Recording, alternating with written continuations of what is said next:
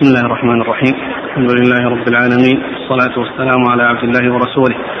نبينا محمد وعلى آله وصحبه أجمعين. أما بعد. قال الإمام الحافظ أبو عيسى الترمذي رحمه الله تعالى قال في جامعه في كتاب تفسير القرآن في باب سورة النجم ذكر أحاديث منها.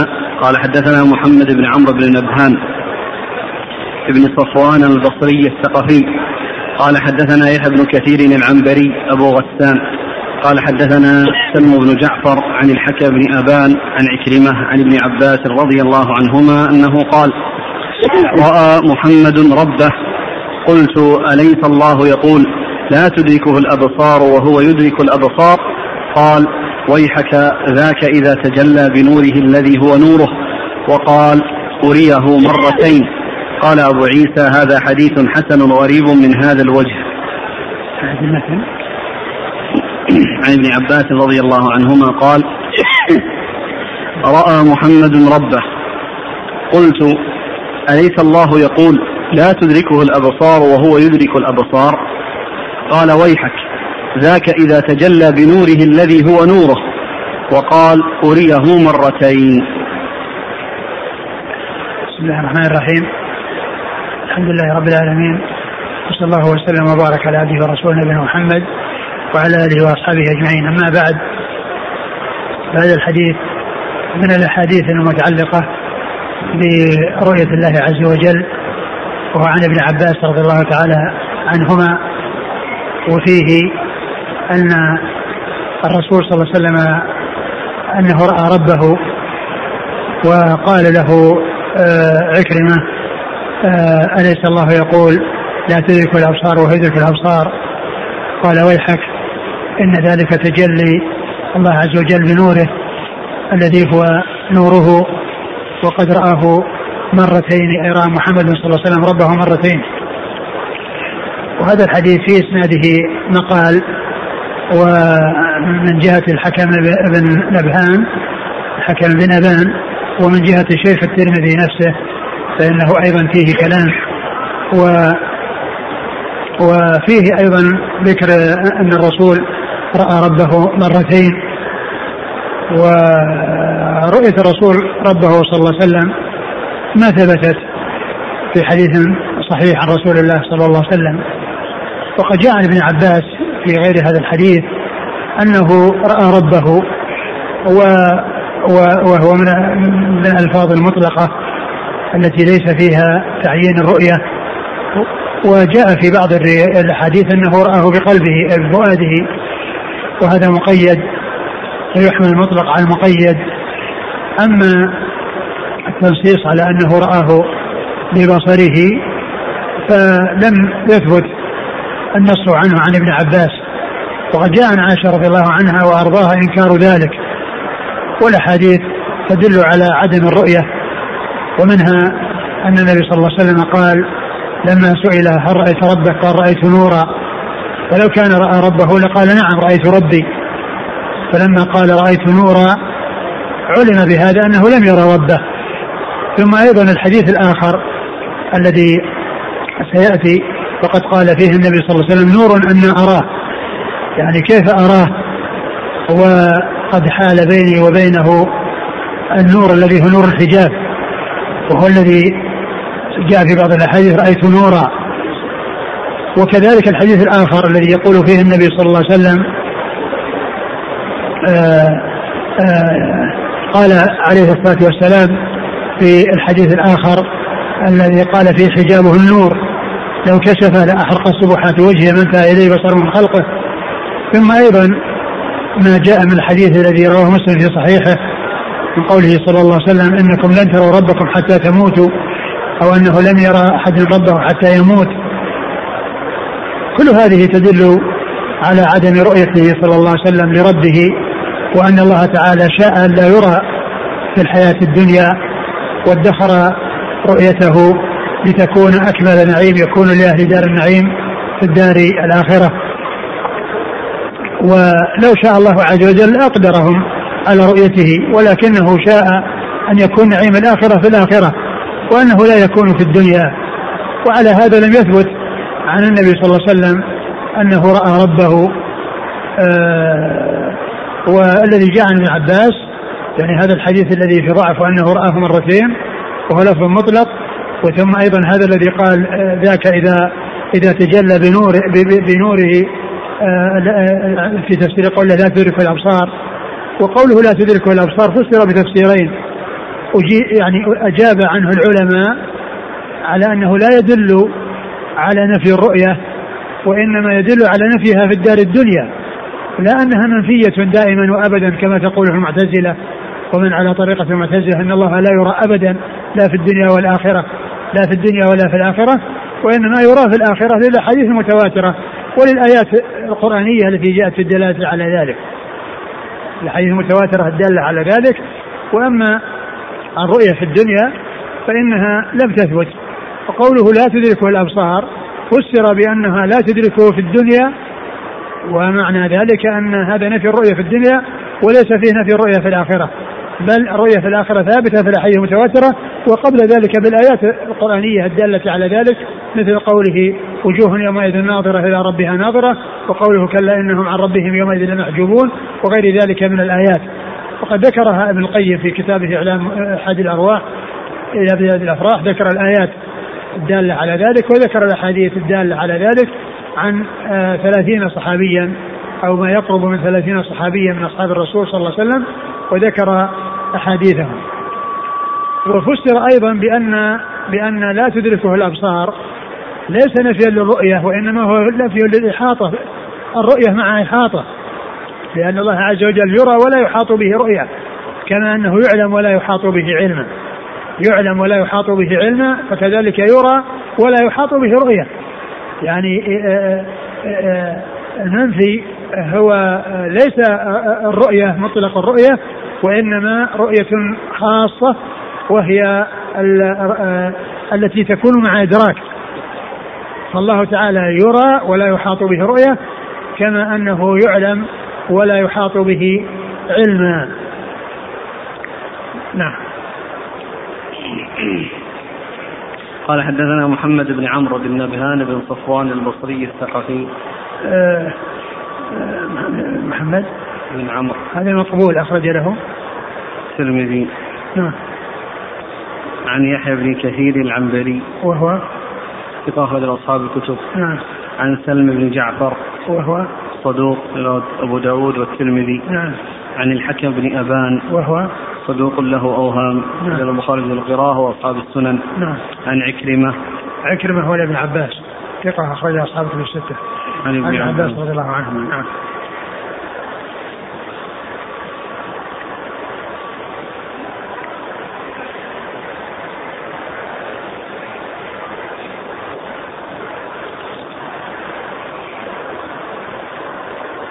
هذا ينقل عن الشيخ الإسلام تيمية أن السلف لم يختلفوا في مسألة رؤية الرسول عليه الصلاة والسلام لربه وأن الذين قالوا بالرؤية يقصدون القلبية والذين قالوا لم يره يقصدون البصرية. يعني هذا هو الذي آه، نتيجة آه، يعني آه، ما جاء عن ابن عباس أن الذي ثبت أنها رأى في فؤاده وجاء حديث مطلقة. وجاء أحاديث مطلقة. يعني فتكون النتيجة مثل ما قال الشيخ الإسلام ابن تيمية. ابن عباس هو الذي جاء عنه ذكر الرؤية. فجاءت مطلقة وجاءت مقيدة. ويحمل المطلق على المقيد. وعلى هذا فالأمر كما قال الشيخ الإسلام ابن تيمية أن أن هم اختلفوا في, في, في الرؤية يعني في رؤية العين. الرؤية البصرية هذه اللي فيها الخلاف. لأن يعني بعض يعني الناس يقول إن ابن عباس جاء عنه إثبات الرؤية جاء عنه إثبات الرؤية ويعني وعائشه تنكر ذلك انها إن الله تعالى لم يرى. ولكن الذي جاء عن عباس هو مطلق ومقيد ويحمل المطلق على المقيد. فتكون النتيجة أن أن الرؤية البصرية آه لم تحصل وأما الرؤية القلبية فقد جاء عن ابن عباس آه، آه، إثباتها. وجاء عنه الإطلاق في ذكر الرؤية ولكن يحمل المطلق على المقيد فيكون آه، ذكر الرؤية البصرية ما جاءت عن ابن عباس أو التنصيص على الرؤية البصرية ما جاء إثباتها عن ابن عباس. وعائشة نفتها نفتها وقالت إن إن إن إن, أن من, أخبرت أن محمد ربه فقد كذب. نعم.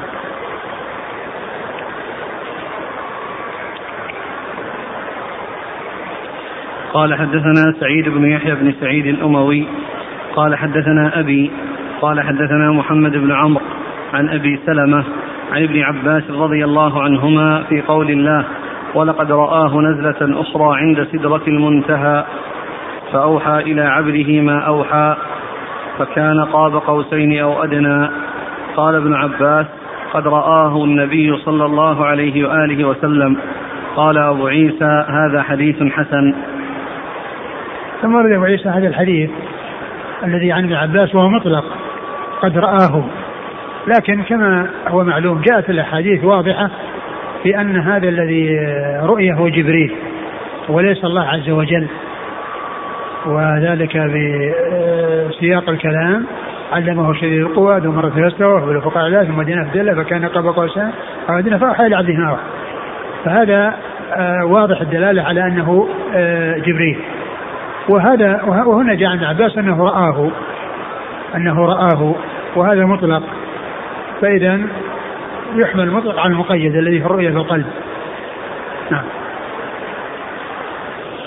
قال حدثنا سعيد بن يحيى بن سعيد الأموي. هو؟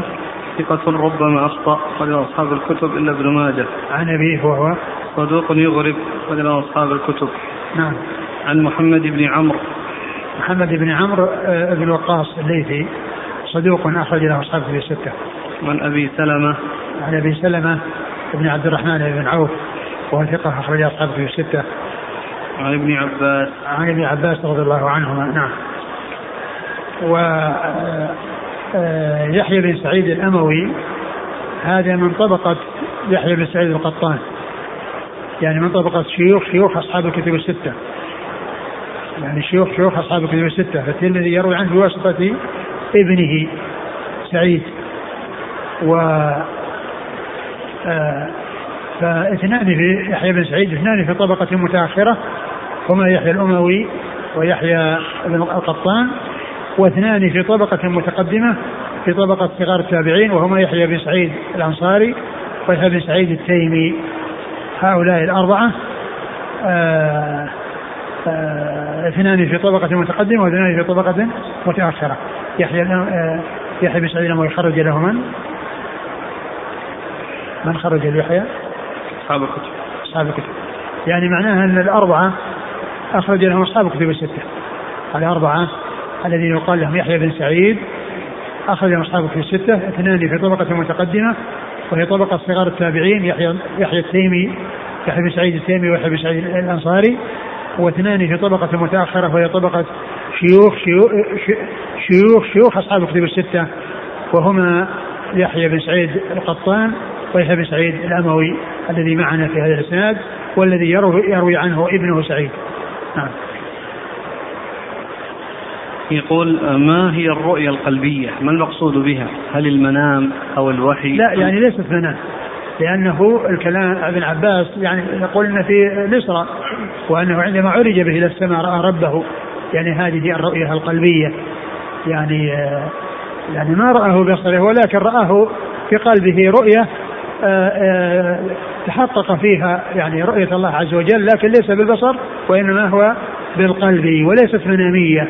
لأن ابن عباس ما ذكرها عن طريق المنام وإنما ذكرها عن طريق الإسراء وأنه لما أسري به عليه الصلاة والسلام وعائشة رضي الله عنها تذكر الأحاديث التي آه التي فيها الإسراء به في كونه لم يره يعني الرؤية البصرية آه. وهل الرؤية القلبية خاصة بالنبي صلى الله عليه وسلم؟ آه، آه، الرسول صلى الله عليه وسلم آه، جاء عن ابن عباس إنه رأى رؤية قلبية في الإسراء وجاء عن الرسول عن عنه أنه رأى ربه في في منامه في أحسن صورة كما سبق أن مر بنا في حديث اختصام الملأ الأعلى. و وذكرت أن الرؤية التي في المنام ثبتت الرسول صلى الله عليه وسلم. أما بالنسبة لغيره فالله تعالى أعلم. وأما بالنسبة لهذه ف آه، ابن عباس قال إنه رآه. بقلبه لكن هل آه، يعني يكون لغيره ذلك أو لا يكون؟ الله تعالى أعلم. فأوحى إلى عبده ما أوحى. من الفاعل؟ آه الذي آه, آه، جاء بالوحي إلى الرسول صلى الله عليه وسلم هو جبريل. فيعني أوحى جبريل إلى عبد الله. الذي هو رسول الله صلى الله عليه وسلم ما أوحى الذي جاء به. أما إذا كان حمل يعني آه، على آه، تكريم الله عز وجل ومعلوم أن الله كلمه ليلة المعراج كلمه ليلة المعراج لكن سياق الكلام يدل على أن الذي قام بذلك هو جبريل وأنه آه، يعني أتى بالوحي للرسول صلى الله عليه وسلم من الله وثبوت تكليم الرسول تكليم الله لرسوله في ليلة المعراج. هذا ثابت لكن هل هو مأخوذ من من من هذه الآية؟ أو آه، هل الآية تدل عليه؟ أما ثبوته ثابت أن الرسول أن الله تعالى كلمه وأن موسى كما كان كليم الرحمن فنبينا محمد صلى الله عليه وسلم كليم الرحمن وأنه كلمه ليلة المعراج. لكن سياق الآيات يعني كله يدل على أن الذي حصل منه هو ذلك جبريل. يقول كيف يكون معنى الآية ولقد رآه نزلة أخرى عند سدرة المنتهى جبريل؟ مع العلم أن جبريل كان مع النبي صلى الله عليه وسلم خلال الإسراء والمعراج كله.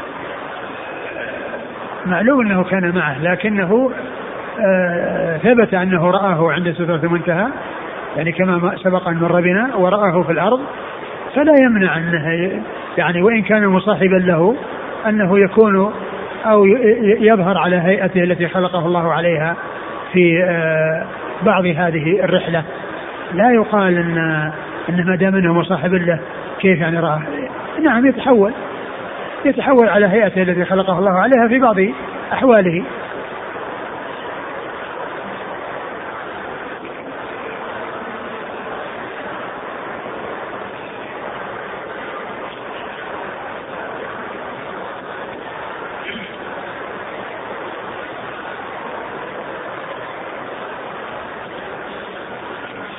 قال حدثنا عبد بن حميد قال حدثنا عبد الرزاق وابن أبي رزمة وأبو نعيم.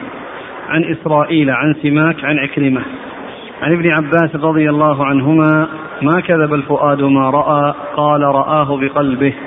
قال هذا حديث حسن. ثم ذكر هذا الحديث وفيه آه، آآ آه، ما جاء عن ابن عباس أن الرؤية رؤية الله عز وجل من النبي صلى الله عليه وسلم إنما هي بقلبه. نعم. قال حدثنا عبد بن حميد. ثقة أخرجه البخاري تعليقا ومسلم والترمذي. عن عبد الرزاق.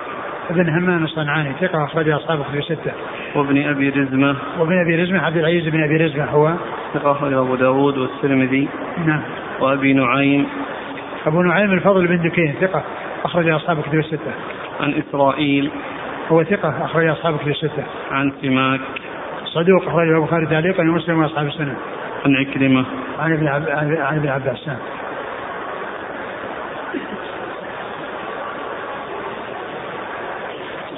معنى الآية وإيش الآية؟ ما كذب الفؤاد ما رأى يعني أن ال... أن أنه رآه بقلبه أنه رآه بقلبه. هذا هو ما يعني ساقها ابن عباس ليبين أنها رؤية قلبية. نعم. يعني التفسير هذا تفسير لمعنى الآية أو ضرب مثال. يعني تفسير ابن عباس هو شرح للآية.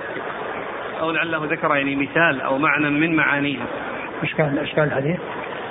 عن ابن عباس ما كذب الفؤاد ما رأى قال رآه بقلبه. هذا. رآه بقلبه يعني رأى بقلبه. نعم. قال حدثنا محمود بن غيلان قال حدثنا وكيع ويزيد بن هارون عن يزيد بن إبراهيم التستري عن قتادة عن عبد الله بن شفيق عن عبد الله بن شقيق قال قلت لأبي ذر رضي الله عنهما عنه قال لو أدركت النبي صلى الله عليه وآله وسلم فسألته فقال عما كنت تسأله؟ قال كنت أسأله هل رأى محمد ربه؟ فقال هل سألت هل سألت عندنا هل هل سألت؟ لا الظاهر ما في خطأ ها؟ ها عندنا هل سألته قد سألته. قد. قد سألته فقال نور أن أن أراه. قال أبو عيسى هذا حديث حسن. آه وهذا الحديث عن أبي ذر رضي الله عنه جندب بن جنادة. آه قال له عبد الله بن شقيق العقيلي لو رأيت النبي صلى الله عليه وسلم آه فسألته.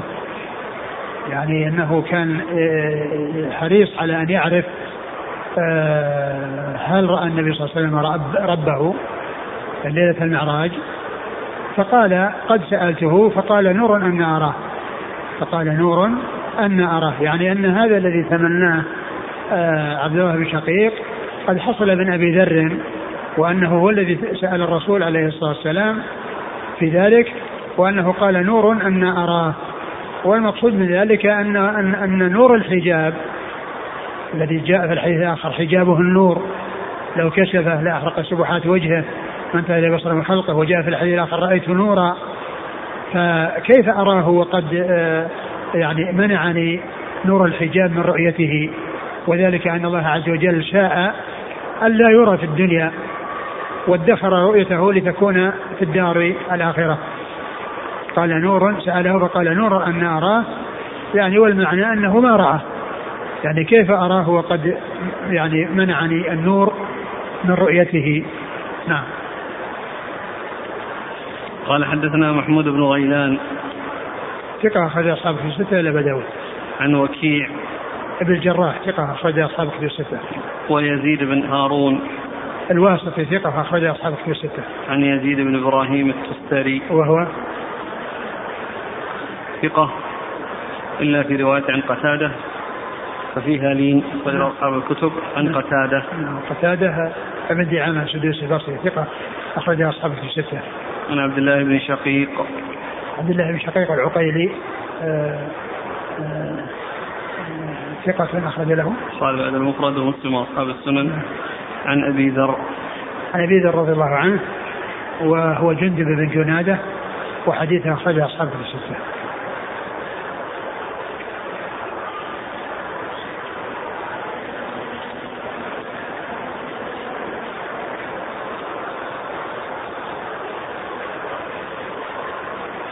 قال حدثنا عبد بن حميد قال حدثنا عبيد الله بن موسى وابن أبي رزمه عن إسرائيل عن أبي إسحاق عن عبد الرحمن بن يزيد عن عبد الله رضي الله عنه قال ما كذب الفؤاد ما رأى. قال رأى رسول الله صلى الله عليه وآله وسلم جبريل في حلة من رفرف قد ملأ ما بين السماء والأرض. قال أبو عيسى هذا حديث حسن صحيح. ثم أورد أبو عيسى هذا الحديث عن مسعود. ما كذب الفؤاد ما رأى. قال رأى جبريل. أي أن الرسول رأى جبريل في حلة خضراء. قد ملأ. ما بين السماء والأرض. ما بين, بين السماء والأرض. ما كذب الفؤاد ما رأى. قال رأى جبريل في حلة في حلة خضراء. في حلة من رفرف. في حلة من رفرف. قد ملأ. ما بين السماء ما بين السماء والأرض. يعني أن هذه هي الرؤية التي حصلت في الأرض. التي حصلت في الأرض وأنه قد رآه مرة أخرى مرة في السماء ومرة في الأرض. نعم. قال حدثنا عبد بن حميد عن عبيد الله بن موسى. آه عبيد الله بن موسى هو ثقة أخرج أصحاب كتب الستة.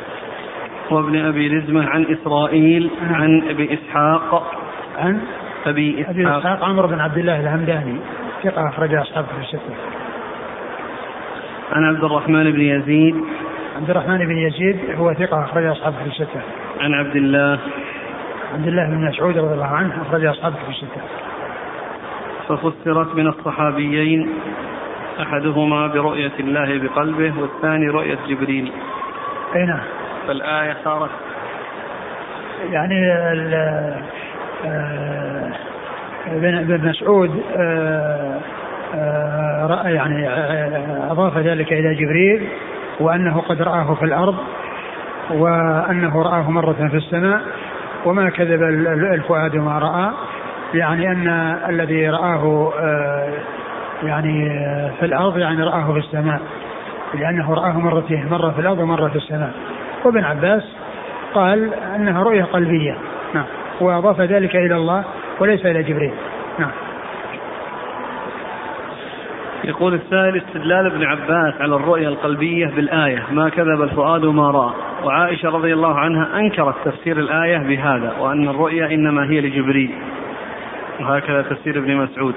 نعم. فهل يصح بعد ذلك إثبات الرؤيا القلبية لأن الدليل في شيء آخر وهو رؤية جبريل؟ هو جاء هو جاء عن ابن عباس التنصيص على الرؤية القلبية يعني آه هو نص عليها. قال رؤية قلبية رآه بقلبه رآه بفؤاده. وأراد بذلك الله عز وجل. وأما الواضح هو أنه من حيث السياق ومن حيث المعنى ما جاء عن عائشة رضي الله تعالى عنها وارضاها هو الواضح. لأن الرسول رأى جبريل مرتين ولقد رآه نزلة أخرى عند الصلاة وانتهى. نعم. إنكار عائشة رضي الله عنها الرؤية. هل هي الرؤية القلبية؟ مع الرؤية الحقيقية لا الكلام, الكلام على الرؤية البصرية. الرؤية البصرية هذا هو الذي أنكرته عائشة رضي الله عنها. أما بالنسبة للرؤية القلبية ما في تعرض لها بالنسبة لعائشة.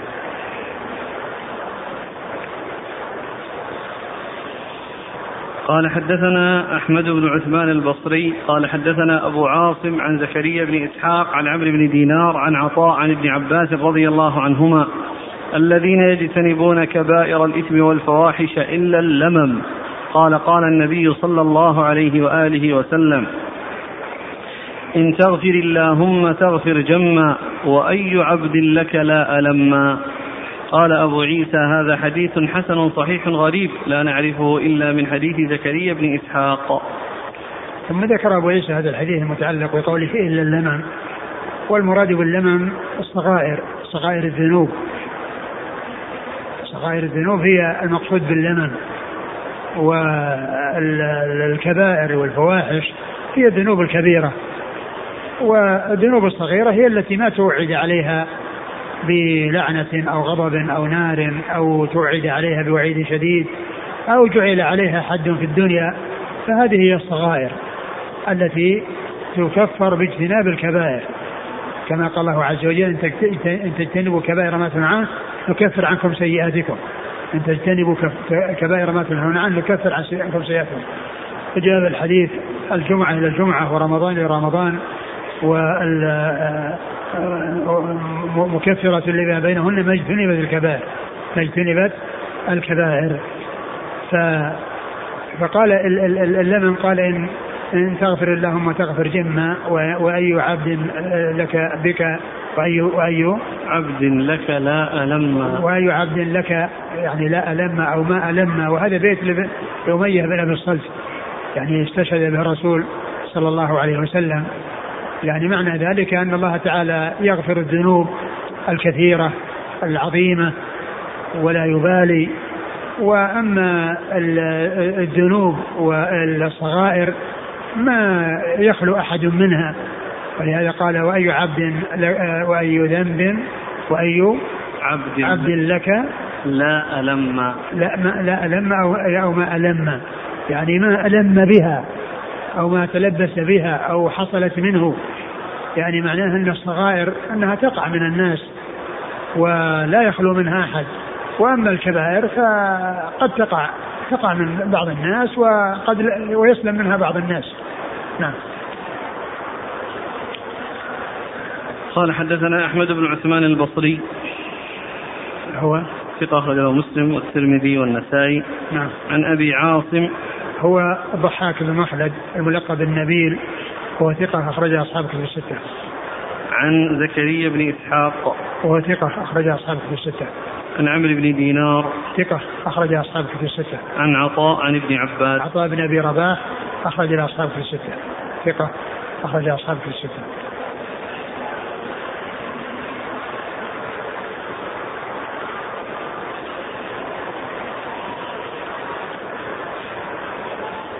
هنا يقول النبي صلى الله عليه وسلم الشعر والآية وما علمناه الشعر وما ينبغي. هذا ليس شعرا له.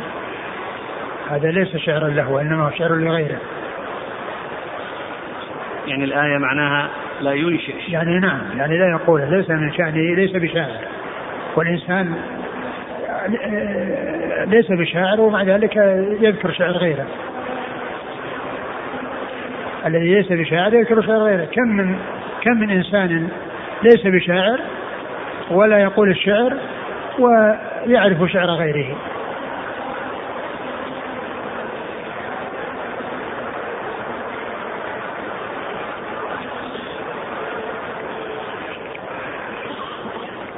ولهذا جاء في الحديث الآخر أصدق كلمة قالها شاعر كلمة لبيد.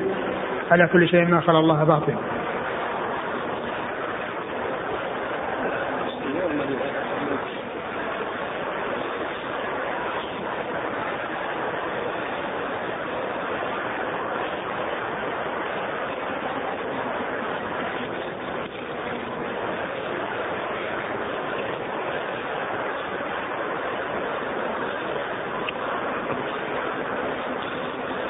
قال رحمه الله تعالى باب من سورة القمر. قال حدثنا علي بن حجر قال أخبرنا علي بن مسهر عن الأعمش عن إبراهيم عن أبي معمر عن ابن مسعود رضي الله عنه أنه قال بينما نحن مع رسول الله صلى الله عليه وآله وسلم بمنى فانشق القمر فلقتين فلقة من وراء الجبل وفلقة دونه. فقال لنا رسول الله صلى الله عليه وآله وسلم اشهدوا يعني اقتربت الساعة وانشق القمر. قال هذا حديث حسن صحيح.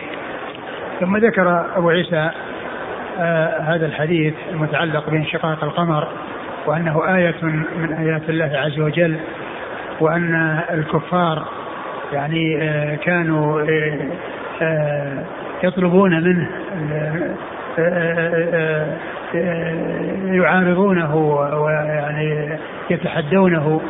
وقد جعل الله عز وجل من الآيات التي أجراها الله تعالى له وهي دالة على صدقه أنه انشق القمر فصار قطعتين فلقتين فلقة في جهة وفلقة في جهة. وقد رآها الكفار وغير الكفار. وهذا من الأدلة أو من الآيات والدلالات والمعجزات الدالة على صدقه صلوات الله وسلامه وبركاته عليه وأنه رسول الله سبحانه رسول الله عليه الصلاة والسلام. فالرسول كان مع أصحابه في منى فانشق القمر وكان فرقتين فرقة دون الجبل وفرقة وراءه فقال اشهدوا يعني اشهدوا يعني حصول هذه المعجزة. وهذه الآية التي أجراها الله عز وجل له آه، للدلالة على صدقه عليه الصلاة والسلام وأنه رسول من عند الله وأن أولئك الكفار آه، الذين آه، يؤذونه ويعارضونه أن أن هذه الآية وهذه المعجزة تحققت وقد حصلت بانشقاق القمر ورؤيتهم إياه فرآه المسلمون ورآه الكفار. ولكنهم آه، كشأنهم آه، يصفون ذلك إلى السحر ويضيفون إليه السحر وأن هذا من سحره عليه الصلاة والسلام. والله عز وجل أخبر عنهم قال ولو فتحنا عليهم بابا من السماء فظلوا فيه يعرجون. لقالوا إنما سكرت أبصارنا بل نحن قوم مسحورون. نعم. قال حدثنا علي بن حجر. ابن إياس السعدي ثقة أخرجه البخاري ومسلم والترمذي والنسائي. عن علي بن مسهر ثقة أخرج أصحابه في الستة. عن الأعمش سليمان بن مهران الكاهلي ثقة أخرج أصحابه في الستة. عن إبراهيم هو بن يزيد بن قيس النخعي ثقة أخرج أصحابه في الستة. عن أبي معمر وهو عبد الله بن سخبرة ثقة أخرج أصحابه في الستة. عن ابن مسعود نعم.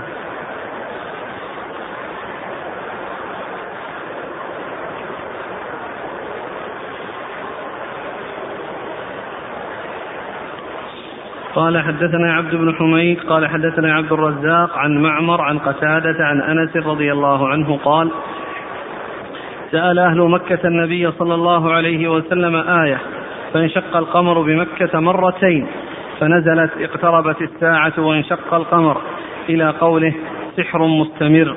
يقول ذاهب. قال أبو عيسى هذا حديث حسن صحيح.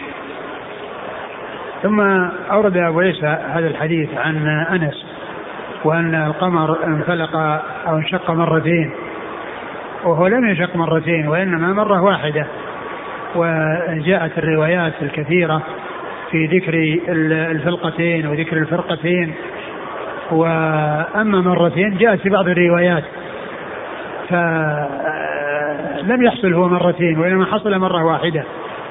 فالرواية التي فيها مرتين تخالف الروايات الكثيرة التي فيها ذكر الفلقتين وذكر الفرقتين أي القطعتين وأنه لم يحصل آه، آه، التكرار انشقاق القمر فتكون هذه الرواية غير محفوظة أو يعني تحمل على أساس أن أن العين يعني صارت يعني آه، قسمين مثل ما قال ابن القيم كما نقله عنه الشارح قال أن هذا يعني يعني بالنسبة للأفعال وبالنسبة لل, لل... لل... للأعيان وأن هذا من هذا القبيل شوف كلام الشارح في هذا.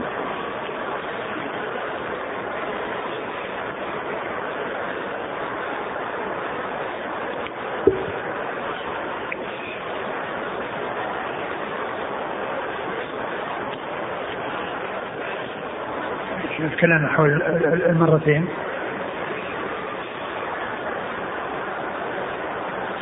ووقع في رواية البخاري فأراهم القمر شقتين قال الحافظ ما ملخصه وفي رواية لمسلم مرتين وفي مصنف عبد الرزاق عن معمر بلفظ مرتين أيضا.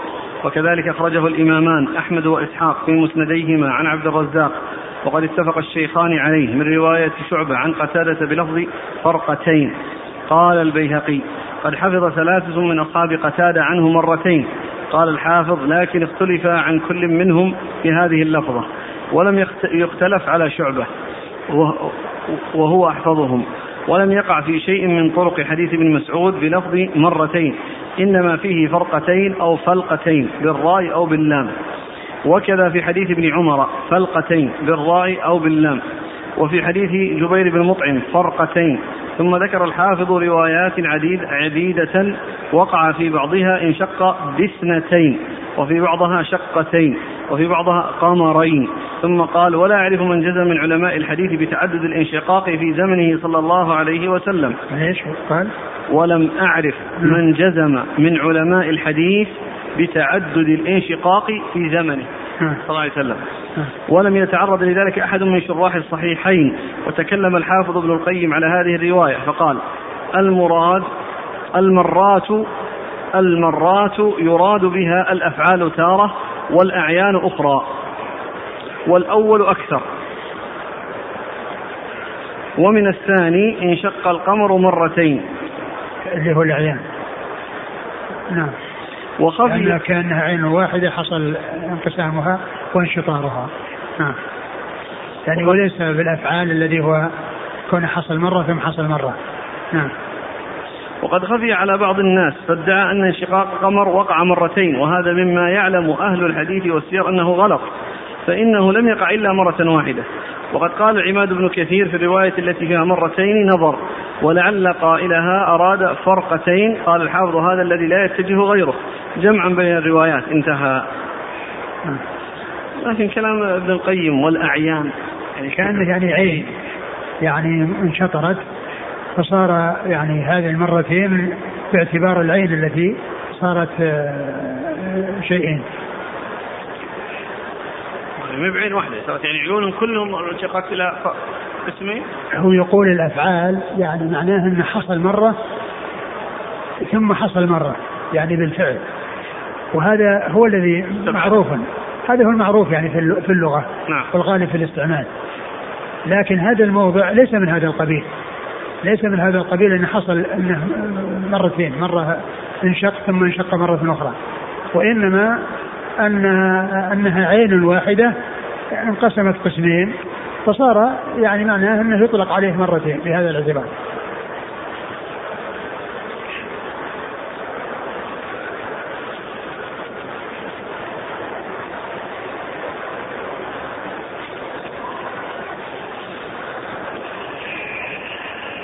قال حدثنا عبد بن حميد عن عبد الرزاق.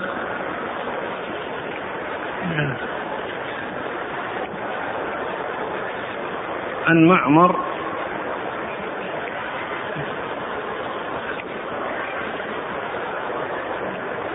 تعريف بالرجال. نعم تعريف بالرجال. عبد الرزاق مر. معمر. معمر بن راشد ثقة أخرج أصحاب في الستة عن قتادة عن أنس.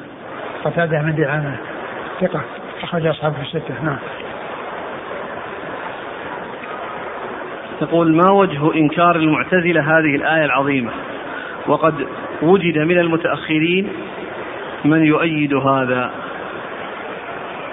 كما هو معلوم المعتزلة يعني ينكرون أشياء كثيرة.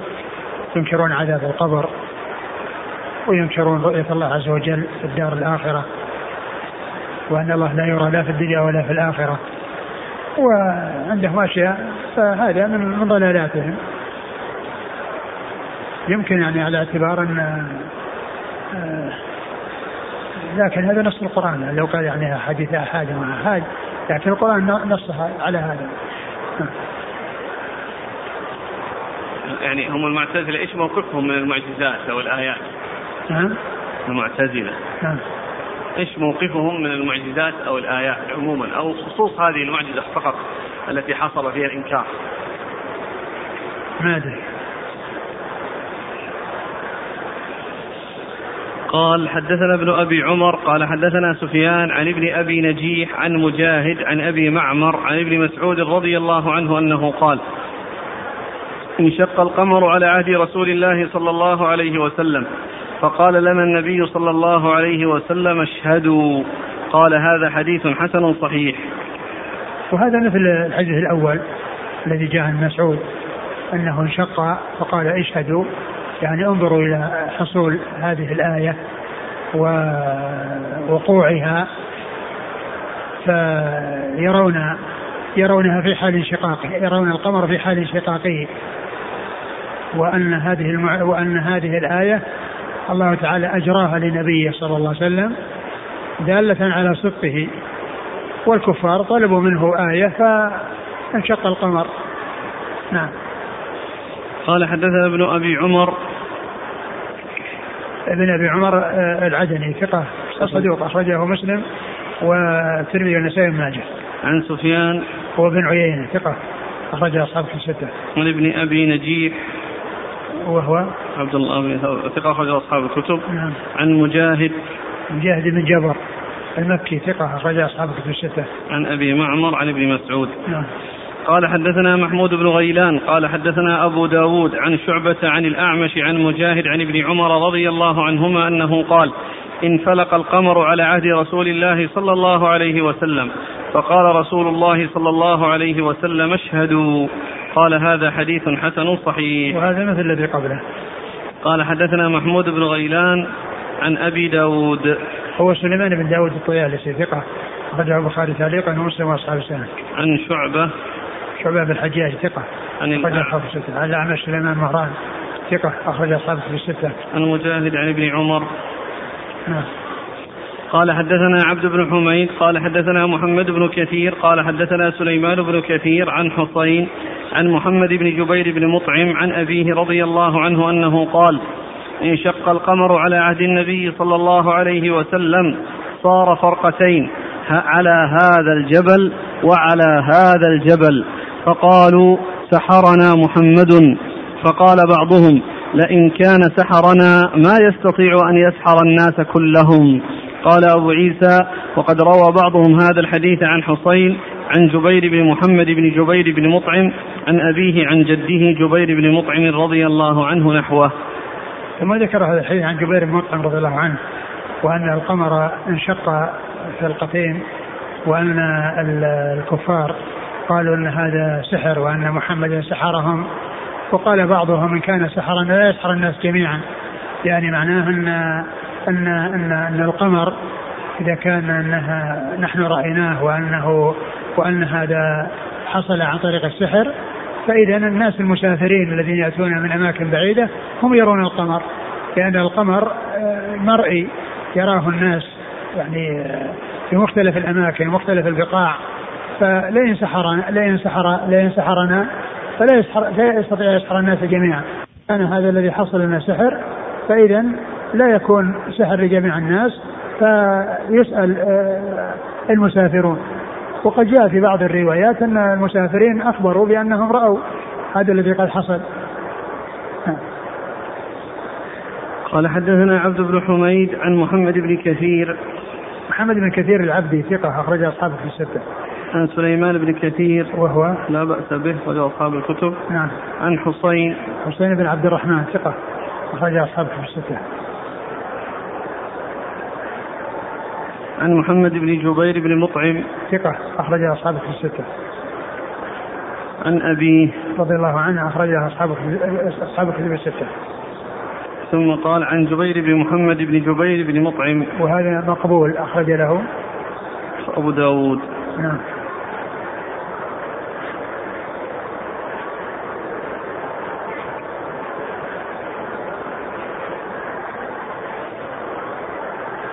يقول السائل ما موقفنا من علماء الفلك الكفار الذين صعدوا على القمر وقالوا إنه تعرض لانفجار عظيم وانفلق ثم التأم مرة أخرى؟ هل نذكر لهم الآية ونصدقهم؟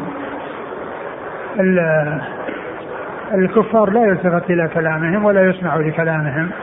ثم أيضا آه، كونهم وصلوا إلى القمر هذا غير محقق.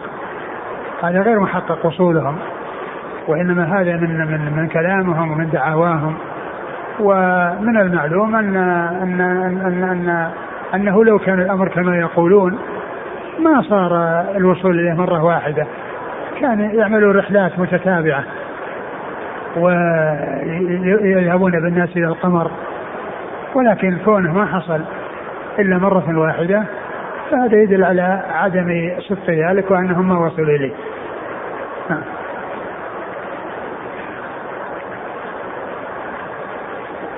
قال حدثنا أبو كريب وأبو بكر بندار قال حدثنا وكيع عن سفيان عن زياد بن إسماعيل عن محمد بن عباد بن جعفر المخزومي عن أبي هريرة رضي الله عنه جاءت مشرك قريش يخاصمون النبي صلى الله عليه وسلم في القدر فنزلت يوم يسحبون في النار على وجوههم ذوقوا مس سقر إنا كل شيء خلقناه بقدر. قال أبو عيسى هذا حديث حسن صحيح.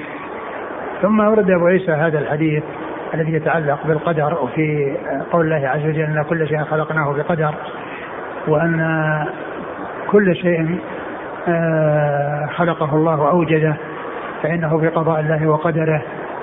لا يكون شيء في الوجود إلا وقد شاء ولا يتخلف شيء إلا وكونه لم يشأه.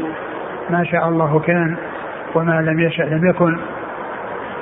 وقد قال عليه الصلاة والسلام واعلم أن ما أصابك لم يكن ليخطئك وما أخطأك لم يكن ليصيبك. فالكفار يخاطبون النبي صلى الله عليه وسلم بالقدر وقد أنزل الله عز وجل هذه الآيات يوم يسحبون في النار على وجوههم ذوقوا مس سقر إن كل شيء خلقناه آه، بقدر. ففي هذا الحديث بيان أنهم يخاصمون في القدر وأن الله أنزل آه، في ذلك هذه الآية التي فيها إثبات القدر وأن كل شيء بقضاء الله وقدره وأنه ما شاء الله تعالى كان وما لم يشاء لم يكن. ومن الأشياء التي كانوا يذكرونها ويقولونها فيما يتعلق بالقدر يقول لو شاء الله ما أشركنا. ولا آباؤنا وهي كما كما يقولون كلمة حق أريد بها باطل. نعم. قال حدثنا أبو كريب. هو محمد بن العلاء بن كريب ثقة أخرج أصحاب الكتب الستة. وأبو بكر بن دار. وأبو بكر بن دار هذه كنية بن دار. ذكر بكنيته ولقبه. واسمه محمد بن بشار وهو ثقة أخرج أصحاب الكتب الستة وهو شيخ لأصحاب الكتب الستة. عن وكيع ابن الجراح ثقة أخرج أصحاب الكتب الستة. عن سفيان هو الثوري ثقة أخرج أصحاب كتب الستة. عن زياد بن إسماعيل هو صدوق سيء الحفظ نعم. البخاري في خلق أفعال العباد ومسلم والترمذي وابن ماجه نعم. عن محمد بن عباد بن جعفر المخزومي هو ثقة أخرج له أصحاب الكتب نعم. عن أبي هريرة نعم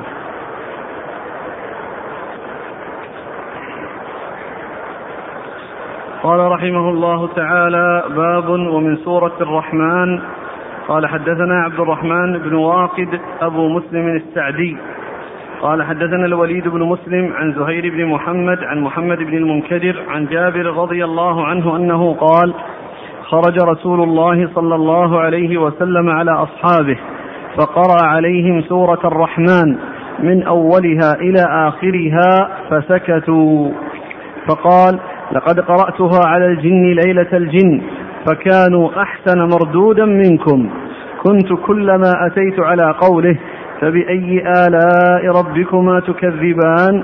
قالوا لا بشيء من نعمك ربنا نكذب فلك الحمد. قال أبو عيسى هذا حديث غريب لا نعرفه إلا من حديث الوليد بن مسلم عن زهير بن محمد.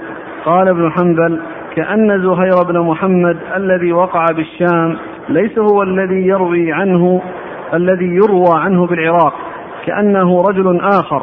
قلب اسمه يعني لما يروون عنه من المناكير. وسمعت محمد بن إسماعيل البخاري يقول أهل الشام يروون عن زهير بن محمد مناكير وأهل العراق يروون عنه أحاديث مقاربة. ثم ذكر أبو عيسى آه، في سورة الرحمن هذا الحديث آه، عن النبي صلى الله عليه وسلم أنه قرأ على أصحابه مرة سورة الرحمن من أولها إلى آخرها وأنهم ما تكلموا بشيء وما أجابوا بشيء عند قوله فبأي آلاء ربكما تكذبان. وقد جاءت في السورة 31 مرة. يعني جاءت هذه الآية تكررت 31 مرة فلم يقولوا شيئا عند سماعهم إياها. بل سكتوا. وأن النبي صلى الله عليه وسلم أخبرهم بأنه قرأها على الجن وأن الجن أحسن مردودا منهم يعني أنهم ردوا وتكلموا بكلام وأما هؤلاء ما تكلموا بكلام. فكانوا يقولون سبحانك اللهم ربنا آه سبحانك ربنا. لا بشيء من نعمك لا بشيء نكذب بشيء لا, لا بشيء من آلائك نكذب فلك الحمد. فهذا قولهم عند كل آية. يسمعونها من رسول الله صلى الله عليه وسلم.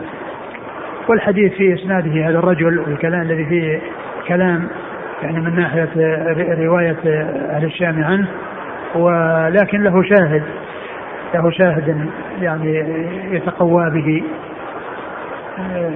إيش قال في في آخره الترمذي بعد الحديث؟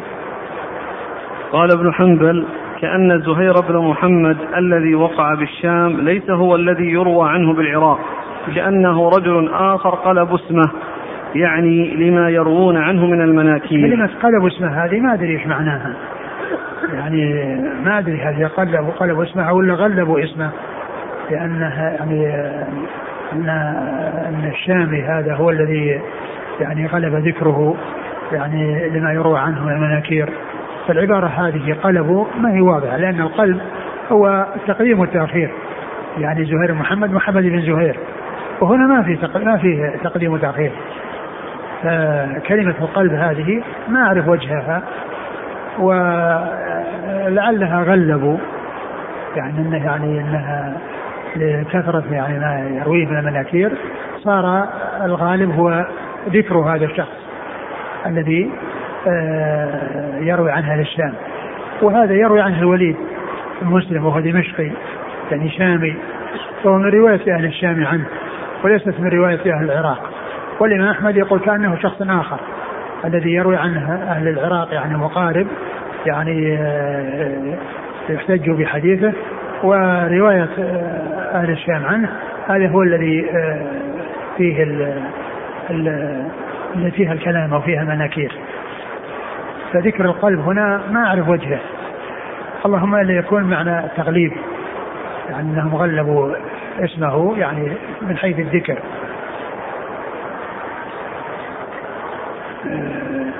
يكمل.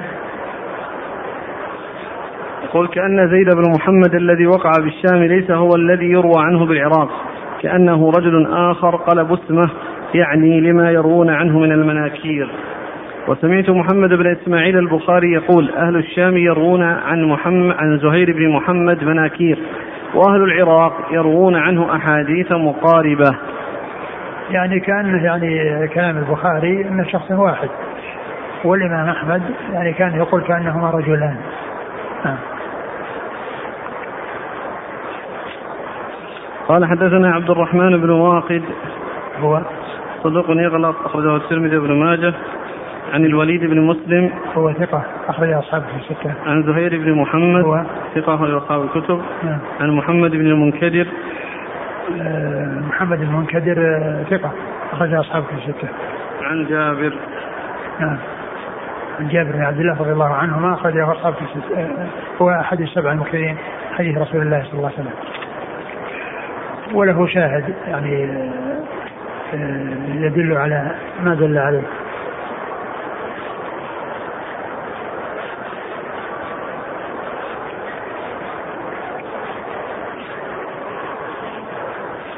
كلام الحافظ بن حجر يوضح أظن في زهير بن محمد ونقله. شو يقول آه، أما الحكم فأدخلها أبو الأشبال الثقة. ها؟ الحكم على الراوي. أدخلها أبو الأشبال بين قوسين. نعم إلا أنه إلا أن رواية أهل الشام عنه غير مستقيمة فضعف بسببها. قال البخاري كلام الحافظ. أي نعم. هذا في التقريب تقريبا نعم. رواية أهل الشام عنه غير مستقيمة نعم. فضعف بسببها. نعم. قال البخاري عن أحمد كأن زهيرا الذي يروي عنه الشاميون آخر. نعم. وقال أبو حاتم حدث بالشام من حفظه فكثر غلطه. مم. انتهى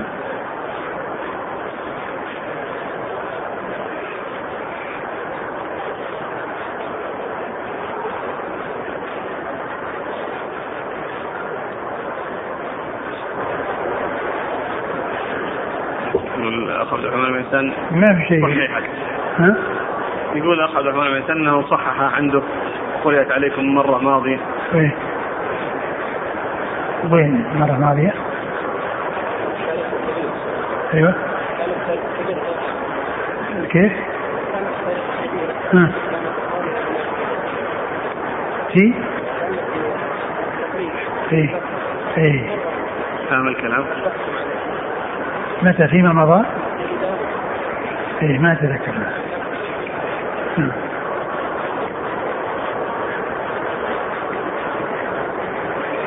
لكن كلمة القلب هذه ما أدري إيش يعني إيش معناها؟ يعني بهذا اللفظ يعني ليست بواضح اللهم الا ان يكون مقصود التغليب يعني غلبوا ذكر ذكره يعني من روايه الشام عنه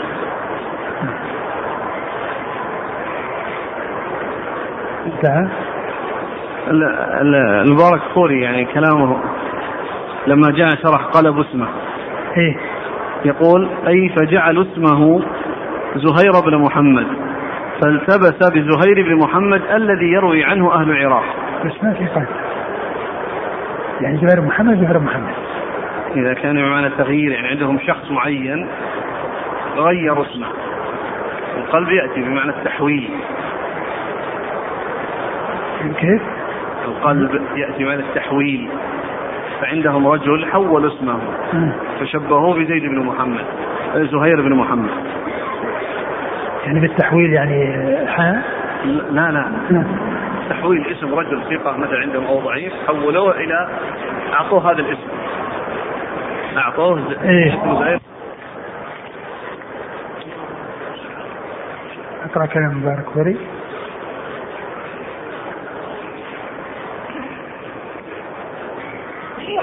قال قلبوا اسمه أي فجعلوا اسمه زهير بن محمد فالتبس بزهير بن محمد الذي يروي عنه أهل العراق. قلبوا اسمه أي؟ فجعلوا اسمه زهير بن محمد. فالتبس بزهير بن محمد الذي يروي عنه أهل العراق. بس القلب هذا ما هو مستقيم يعني كذا يعني كان يعني مقصود غلبوا اسمه فجعلوا كذا الذي يعني الذي يعني يعني يروى عنه الذي قال إيش؟ قلبوا اسمه فجعلوه. فجعلوا اسمه زهير بن محمد فالتبس بزهير بن محمد الذي يروي عنه أهل العراق.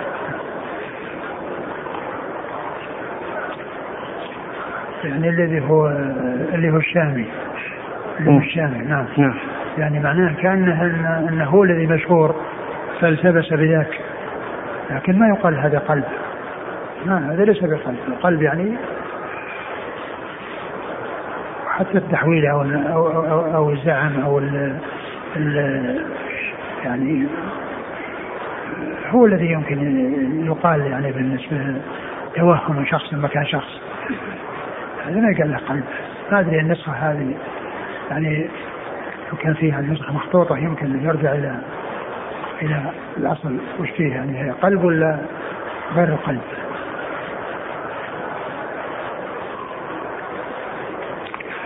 أقول أن يمكن لو الرجوع إلى بعض المخطوطات يمكن قد يعرف بها لأن القلب يعني كثيرا ما يأتي تقديم والتأخير انقلاب الإسناد. مثل ما يقولون أن أنه يعني ينقلب يعني يكون التلميذ شيخ والشيخ تلميذ. صفات الأكابر على الأصاغر ينصن عليها حتى لا يظن الانقلاب بأن يكون في تقديم وتأخير وكذلك يعني القلب يعني يكون اسم الأب اسم الأب اسم الشخص واسم أبيه اسمه والعكس. هذا اللي قال بقلب. انتهى الكلام هذا يعني ما نعم. والله تعالى أعلم. لا لا بالنسبة نعم شيء. في شيء آخر؟ إيه نفس نفس لا خلاص والله تعالى أعلم وصلى الله وسلم وبارك على نبينا ورسوله نبينا محمد وعلى آله وأصحابه أجمعين. جزاكم الله خيرا وبارك الله فيكم والهمكم الله الصواب ووفقكم الحق نفعنا الله بما سمعنا وغفر الله لنا ولكم وللمسلمين أجمعين. الأسئلة كثيرة في حول ما ذكرته الجن من هذا الذكر آه، كيف يمكن تطبيقه؟ هل يمكن تطبيقه في الصلاة الفريضة أو النافلة أو لا يمكن إلا في القراءة المنفردة إذا انتهى الإنسان مثلا من سورة الرحمن أو يقف عند كل آية من فبأي آلاء ربكما تكذبان يقول هذا الذكر. أما بالنسبة للصلاة يعني لا يتابع في الصلاة. أقول لا يتابع في الصلاة.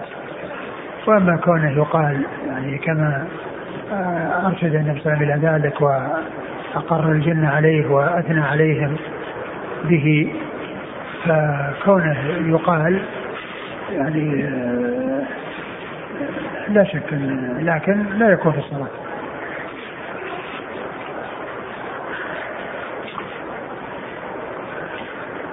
يقول السائل عن هذا الحديث الأخير حيث مدح النبي صلى الله عليه وسلم. ثم هذا الحديث يدل على أن الجن أنهم آه، يكونون في الجنة وأنهم يدخلون الجنة.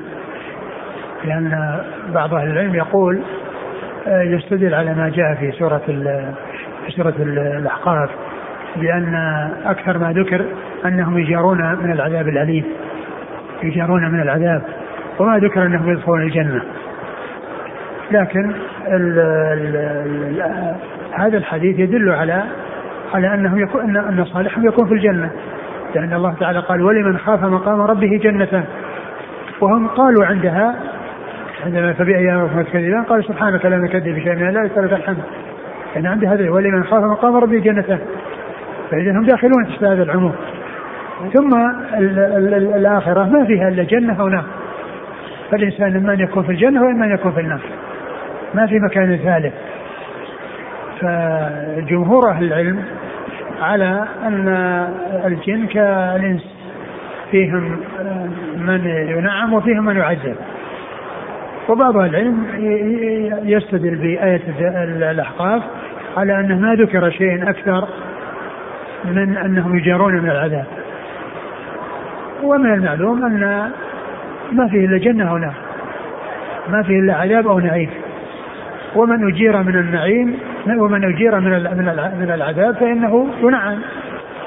وقد جاء في الحديث الذي مر ذكره بالأمس أن الجنة يبقى فيها فضله. فينشئ الله خلقا لم يعملوا خيرا لم يعملوا شيئا فيدخلهم الجنة. فكيف الله ينشئ آه، خلق يدخلون الجنة؟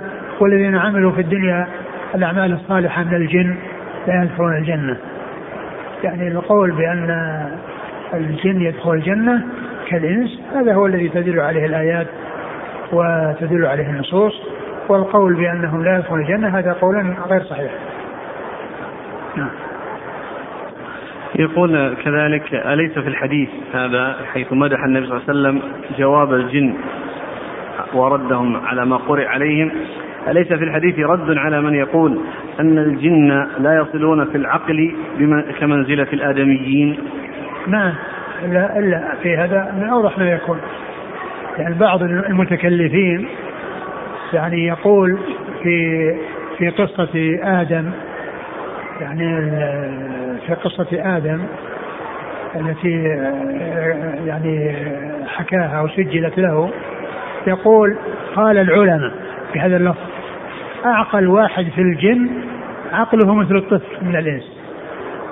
عقله مثل عقل الطفل من الإنس. إيش الكلام هذا؟ يعني كيف الإنسان ي... كيف يعني يجرؤ الإنسان يقول مثل هذا الكلام وينسبه للعلماء أيضا؟ وهم الذين ذكر الله عنهم أنهم أجابوا بهذا الجواب. ويعني عندما سمعوا كلام الله عز وجل قالوا سبحانك لا نكذب شيئا من ذلك ربنا فلك الحمد. نعم. هذا يقول شيخنا أثابكم الله نرجو منكم أن تنبهوا على عدم وضع الكراسي قبل صلاة المغرب حيث تسببت اليوم في قطع الصفوف. آه، الإنسان عليه أنه آه، يصلي في ما تقدم من الصفوف ويأتي والصوت سيسمعه والدرس سيسمعه ولا حاجة إلى وضع هذا لا سيما إذا كان يترتب عليها يعني شيء من العراقيل وشيء من إيذاء الناس أو أن أن الناس قد يتركون المكان اللي فيه فيكون في ذلك انقطاع الصفوف آه الأمر لا يحتاج إلى هذا لأن الصوت يعني واضح والمكبر يعني يصل إلى الأماكن المختلفة والسمع للجميع واحد ف ما يصلح وضع مثل الكراسي في الأماكن والناس يذهبون ويصلون في الصف الأول وإنما يصلون وإذا جاءوا يجلسون حيث ينتهي بهم المجلس والمقصود حاصل بحمد الله يقول هل هناك فرق بين الآية والمعجزة؟ آه، الآية المعجزة التي يحصل بها تحدي. وأما الآيات فهي مما يحصل على يد النبي إكراما له وإظهارا لشرفه وإظهارا لفضله.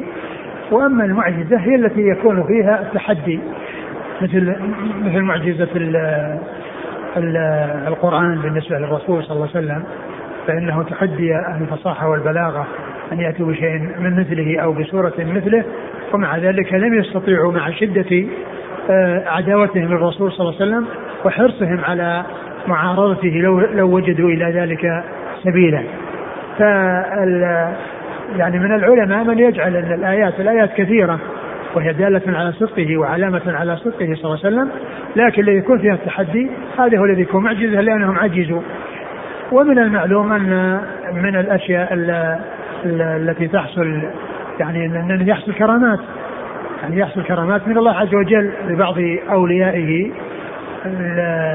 لكن المعجزة إنما تكون للنبي آه، في إظهار صدقه وأن ما جاء به إنما هو من عند الله سبحانه وتعالى. قول النبي صلى الله عليه وسلم أنا النبي لا كذب أنا ابن عبد المطلب. أليس هذا من شعره صلى الله عليه وسلم؟ الرسول صلى الله عليه وسلم ليس بشاعر وإنما هذه عبارات يعني مسجوعة